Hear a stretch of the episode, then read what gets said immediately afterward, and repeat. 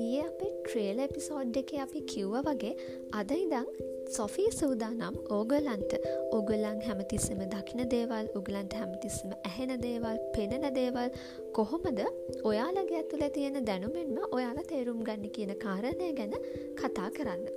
ඉතින් අද Sophie පලවැනි episode එකෙන් මේ හැමදේ ගැනම කතා කරන්න ඉස්සෙල්ලා කවුද මේ සොෆී කියලා ඕගලන්ට කියලා දෙන්න සූදානම්.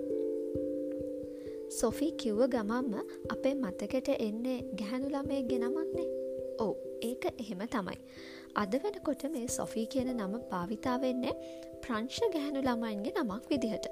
හැබැයි මේ සොෆී කියන්නේ එහෙම සරලව ගන්න පුළුවන් ගැනු ළමයින්ට දාන නමක් කියල විතරක් අපිට හිතන්න බැහැ මොකද සොෆී කියන වචනයේ ඔරිජින් එක. එහෙමත් නැත්නම් සොෆී කියන වචනය උපත සිද්ධ වෙන්නේ ග්‍රීසියේ. ග්‍රීක භාෂාවෙන් සොෆී කියනකෙන් ඒගොල්ල අදහස් කරේ. එහෙමත් නැත්නම් සොෆියා කියන වචනයෙන් ඒගොල්ල අදහස් කරේ විස්ඩම් එහෙමත් නැත්නම් දැනුම කියන කාරණය. ඉතින් සොෆී කියන ගැහැනු ළමයක්ගේ නම තවදුරටත් ඉතා සරල ගැහැනු නමක් පමණක්ම වෙන්න නෑ කියන එක මම හිතන්නේ මාව අහගෙනින් නෝගොල්ල හැමෝටම දැන් පැහැදිලි වෙනවා. ඉතින් මේ සොෆී ඔයාලත් එක්ක අද ඉඳං හැමදාම කතා කරන්න බලාපොරොත්තු වෙන සොෆී එසේ මෙසේ කෙනෙක් නෙමේ කියලා ඔයාලටම තේරුම් යන වැතිනේ. අපේ ඉන්ට්‍රඩක්ෂන් පොඩ්ගාස්ට එකේ මම කිව්ව විදිහට සොෆී ඉන්න ඔයාලගේ ඇතුළෙමයි.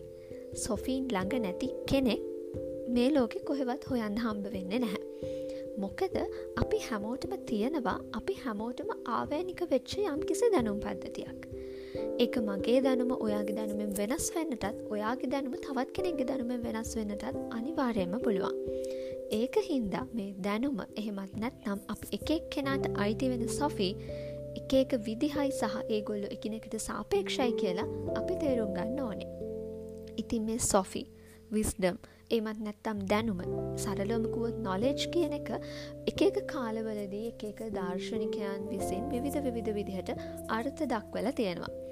උදාහරණයක් විදිහට මට පරණ පොතක් කියවනකොට හම්බ වුණා මෙන මේ විදිහට සොෆී වහෙමත් නැත්නම් මේ දැනුම කියන එක අර්ථ දක්වල තියෙනවා. Knowledge is active purposive reflection of the objective world and its laws in man's mind. සිංහලෙන් කියනව නං මේ ලෝකේ ක්‍රියාකාරී සහ අයින්ද්‍රිය පදාර්ථයන් ගැන මේ විෂය මූලික ලෝකයේ පවතින මනුස්සයාගේ මනසේ ඇතිවන යම්කිසි නීතිමය තත්ත්වයක් න්‍යායාත්මක තත්ත්වයකට අපි කියනවා දැනුම කියලා. ටිකක් බර වැඩි නේද.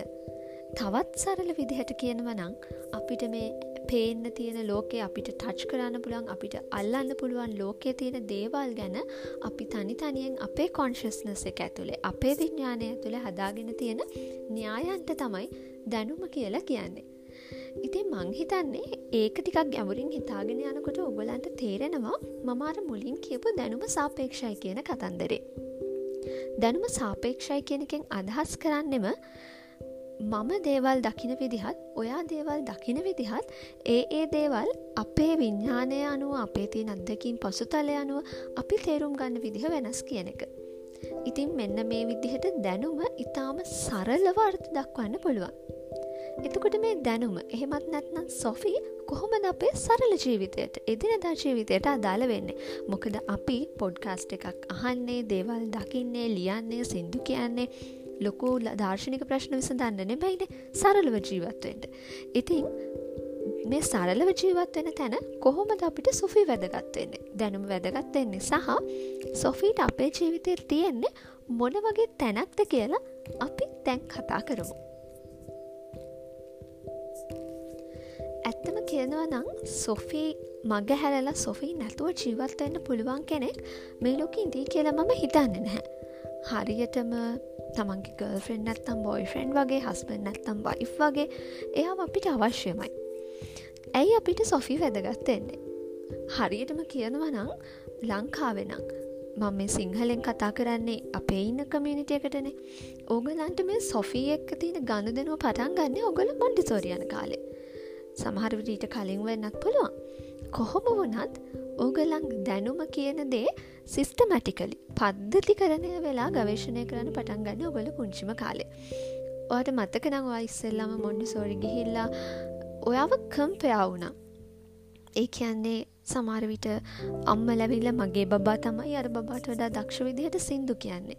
මගේ බබතුමර බට වදා දක්ෂ විදිහට නටන්නේ. ඔය විදිහට පොඩිපොඩි ඩිස්කශන්ස් පොඩිපොඩි සාකච්ඡාවන ඔය කවදාවත් හිතුවද එගොල්ලොයි කතාවෙන්න ඔයාගේ ඇතුළ ඉන්න සොෆී ගැන කියලා? නෑනේ. හැබැයි එහෙම තමයි. මොකද ඒගොල්ල කතා වනේ ඔයාට තියෙන දැනුම ගැන. මට වඩා හොඳට තව කෙනෙක් නටන්න දන්නවා වෙන්න පුළුවන්. ඒ දන්නවා කියන්නේ ඒ නටනවා කියන ඔබ්ජෙක්ටිවිටිය එක ගැන එයාට තියෙන එයාගේ ඇතුළ ක්‍රියාත්මක වෙන න්‍යායන්ටික එයාට ඒක දැනෙන විදිහ එයා එක ප්‍රක්ටිස් කරන විදිහ. ඉතිං ඕක සාපේක්ෂයින. ඔන්න ඔය කාරණය අප පුංචි කාලය අපේ දෙමවපිය ප්‍රශ්න කරන්න ගන්නවා.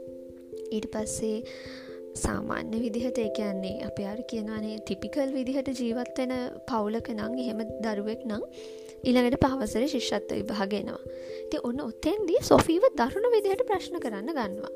මොකද ඒගොල්ලො හිතනවා අපි විශෂය මම්මල තාත්තල වෙන්න පුළුවන් ගුරුවරු වෙන්න පුළුවන්. ඒගොල්ලො හිතනවා මේ සොෆීව පුළුවන් එලියම් පෝෂණය කරන්න කියලා. සොෆි වෙලියම් පෝෂණය කරන්න පුළුවන්. ඕ එක නැහැ කියන්න බෑ. හැබැයි යම් ප්‍රමාණයකට. මොකද මේ පර්සෙප්ෂන් කියන එක පුද්ගලයාගේ පුද්ගලයාට වෙනස්නේ එතකොට මම ගහක් පෙන්නුවත් ඒ ගහ එක එක දළුව දකින්න එක එක විදිහට. ඉතින් එතකොට ඒගොල්ලන්ගේ සරලම කෙනන ඉගොල්ලන්ගේ ඇතුලන්න සොෆි ඉගොලන් ඇතුලන්න දැනුම එක අවබෝධ කරගන්න එක එක විදිහට. ඉතින් ඔන්න අවබෝධය නැත්තන් දැනුම කියන කාරණය සොෆී කියන කාරණය ළමයින්ගේ ඔළුවට ලොකු වදයක් වෙන කාලයක් තමයි මේ ශිෂ්ත්ව විභාගය කියලා කියන්නේ. කොහමට කොමට හරි ඒකත් අපි ගොඩදාගත්ත කියමුකෝ ඊළඟට අපි සාමාන්‍ය පෙළ සහ උසස් පෙළ. මේක ගොඩක් දරුණ විදියට මිනිස්සුන්ට බලපාන කාරණයක් තමයි උසස් පෙළ කියන මොකද අපේ රටේ උසස් පෙළ ලියනවා කියන ළමයෙක් ඉන්න යාගේ ටීනේජ්ගේ අන්තිම කෙලවරේ අවුරුදු දහනවයක්. ඉතින් තවදුරටත් දරුවෙක් කියලා අර්ථ දක්වන්නත් බැහැ මොකද අවුරුදු දහටරත් වැඩි තරුණයෙක්න. නවයවුන් තරුණයෙක්. ඉතින් ගොඩක් වෙලාවට මේ නවයවුන් තරුණයවන්ගේ ඇතුළ ඉන්න සොෆීව ප්‍රශ්න කරන්නේ ඒගොල්ලන්ටත් වඩා ඒගොලන්ගේ බාහිරව ඉන්න වැඩිහිටියෝ කිව්වොත් මගේ තන්න ඔගොල මගෙත් එක් එකඟ වේ.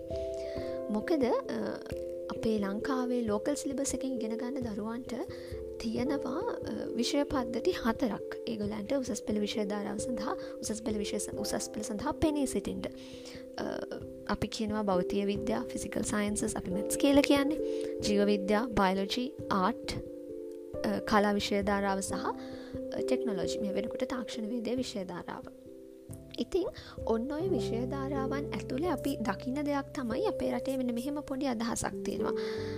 විද්‍යාවිෂයක් කරනවා කියන්න එයා මාර දැනුවත් පුද්ගලෙක් කලා විෂයන් හදාරනවත් ආට් සධාරනවා ගැන අච්චරම දැනුවත් පුද්ගලයෙක් නෙමෙයි. සමාවෙන මට අමතකුණ වානිජ්‍ය විෂයධාරාව විෂධාරවන් පහක් තියෙනවා. එතකොට වානිජ්‍ය විෂයධාරාව කෙනකොට ඒ යම් කිසි ආට් තරං අවුල් නැහැ. සයින්ස් තරම් හොඳත් නැහැමැද මත්තමක වගේ තියෙනවා. තාක්ෂණ වේදටත් තියෙන්නේ වගේම තත්ත්වයක් ඉතිං ඔන්න ඔය කියන දැන ඔය කියන විෂය ධාරාවන් ඇතුළේ මේ අපේ රටේ අර පහවසරේ ශිෂත්වය ඉඳලා ඔලවල් ඉඳලා ආපු ළමයි ටික එක එක විදියට කාණ්ඩගත කරනවා.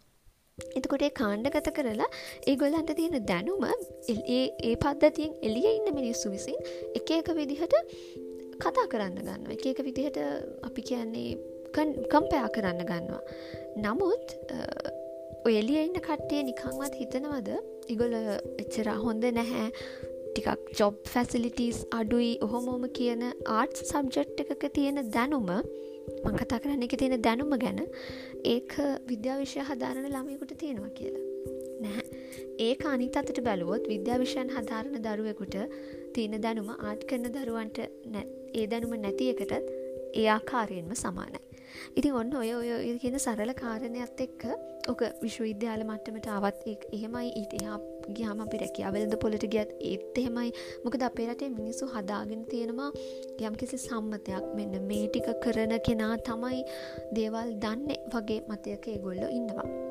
ඉතින් කරණා කරණා කොහොම සිද්ධ වනත් අපිට කියන්න තියෙන්නේ. සොෆීට අද දවසේ එයාව හඳුන්වල දෙද්දි. කවුද මේ සොෆී කියන කාරණාව හඳුන්වල දෙන්නේ?